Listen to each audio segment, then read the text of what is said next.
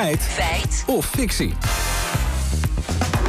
Ja, over intense buikpijn, flinke ontstekingen en gebroken botten. Waarom, Evelien? Ja, we zijn vandaag de spoedeisende hulp ingedoken. De plek waar je terechtkomt als je dit soort acute klachten hebt. De reden, Mark Kramer, voorzitter van het landelijk netwerk Acute Zorg... doet in de Telegraaf een opvallende uitspraak. Hij zegt...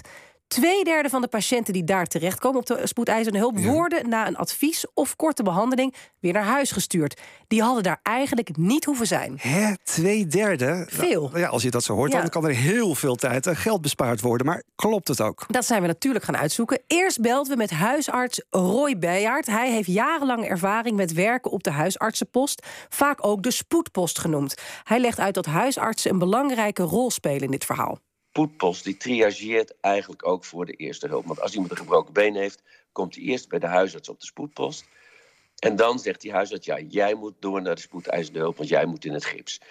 Zo gaat het in de meeste ziekenhuizen momenteel, omdat die spoedposten vaak steeds vaker aan de ziekenhuizen gekoppeld zijn. Nou, van de 40 patiënten die hij op een avond ziet, stuurt hij er vaak maar één of twee van die 40 door naar de spoedeisende hulp in het ziekenhuis. Oké, maar alsnog worden dus volgens Mark Kramer... te veel mensen doorgestuurd naar die spoedeisende hulp. Ja, of dat zo is, vroegen we David Baden, spoedeisende hulparts en voorzitter van de Nederlandse Vereniging van Spoedeisende Hulpartsen. Hij is niet te spreken over die uitspraak in de Telegraaf. Ja, dat is een beetje wijsheid achteraf. Ehm, wat wij weten uit cijfers is dat eh 40% van de patiënten op hulp worden opgenomen. En wat blijkt dat heel veel patiënten vooraf, zeg maar, die hebben extreme buikpijn. Je denkt misschien dat een grote lichaamsslagader ges- gescheurd is. Of dat er misschien een gaatje in de darm is. Dan doe je veel onderzoek op de hulp. En dan blijkt het achteraf gelukkig een buikgriep te zijn. Maar ja, dan, als je dat op achteraf bekijkt op cijfers, dan denk je ja, dan valt het wel mee. Die persoon had een buikgriep, waarom is hij op de spoedeisende hulp geweest? Maar vooraf denk je aan hele ernstige zaken.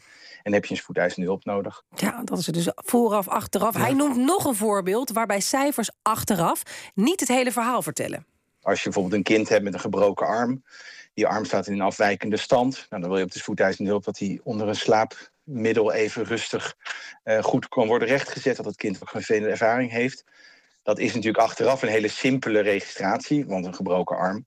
Maar ja, voor dat kind is het superbelangrijk geweest dat er faciliteiten en middelen waren om dat kind goed te kunnen helpen. En dat hij niet zeg maar, met een houtje tussen de tanden even rechtgezet is. En dat wordt vaak vergeten als je achteraf naar cijfers kijkt. Eh, ik krijg even rillingen met Ja. een houtje tussen de tanden. En een afwijkende stand ook.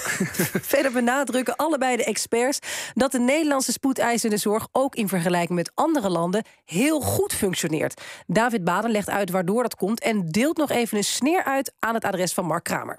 bijna 90% van de mensen komt of via de huisarts of via de ambulance.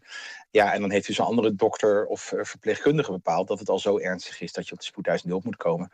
Eh, dus ja, de als hij zegt dat twee derde daar onterecht komt, dan zegt hij eigenlijk feitelijk dat twee derde van de verpleegkundigen en de huisartsen het verkeerd inschat. En dat, nou, dat geloof ik absoluut niet, want wij zullen zonder huisartsen en verpleegkundigen het echt eh, lang niet zo goed doen. En we doen het in Nederland eigenlijk al heel goed. Het gros van de patiënten is dus doorverwezen en heeft dus echt serieuze klachten. Hierin scoort Nederland veel beter dan veel andere landen. Oké, terugkomend. Ik voel hem al wel aankomen Ja. voor eh, onze Mark Kramer. Maar klopt de uitspraak dat twee derde van de patiënten op de spoedeisende hulp daar eigenlijk niet had hoeven komen? Ja, achteraf kun je zoiets zeggen, maar in de praktijk is het belangrijk dat artsen iemand goed onderzoeken en uitsluiten dat een patiënt echt iets ernstigs onder, niet echt iets ernstigs onder de leden heeft. Bovendien zijn de meeste patiënten al gecheckt door een huisarts of door ambulancepersoneel.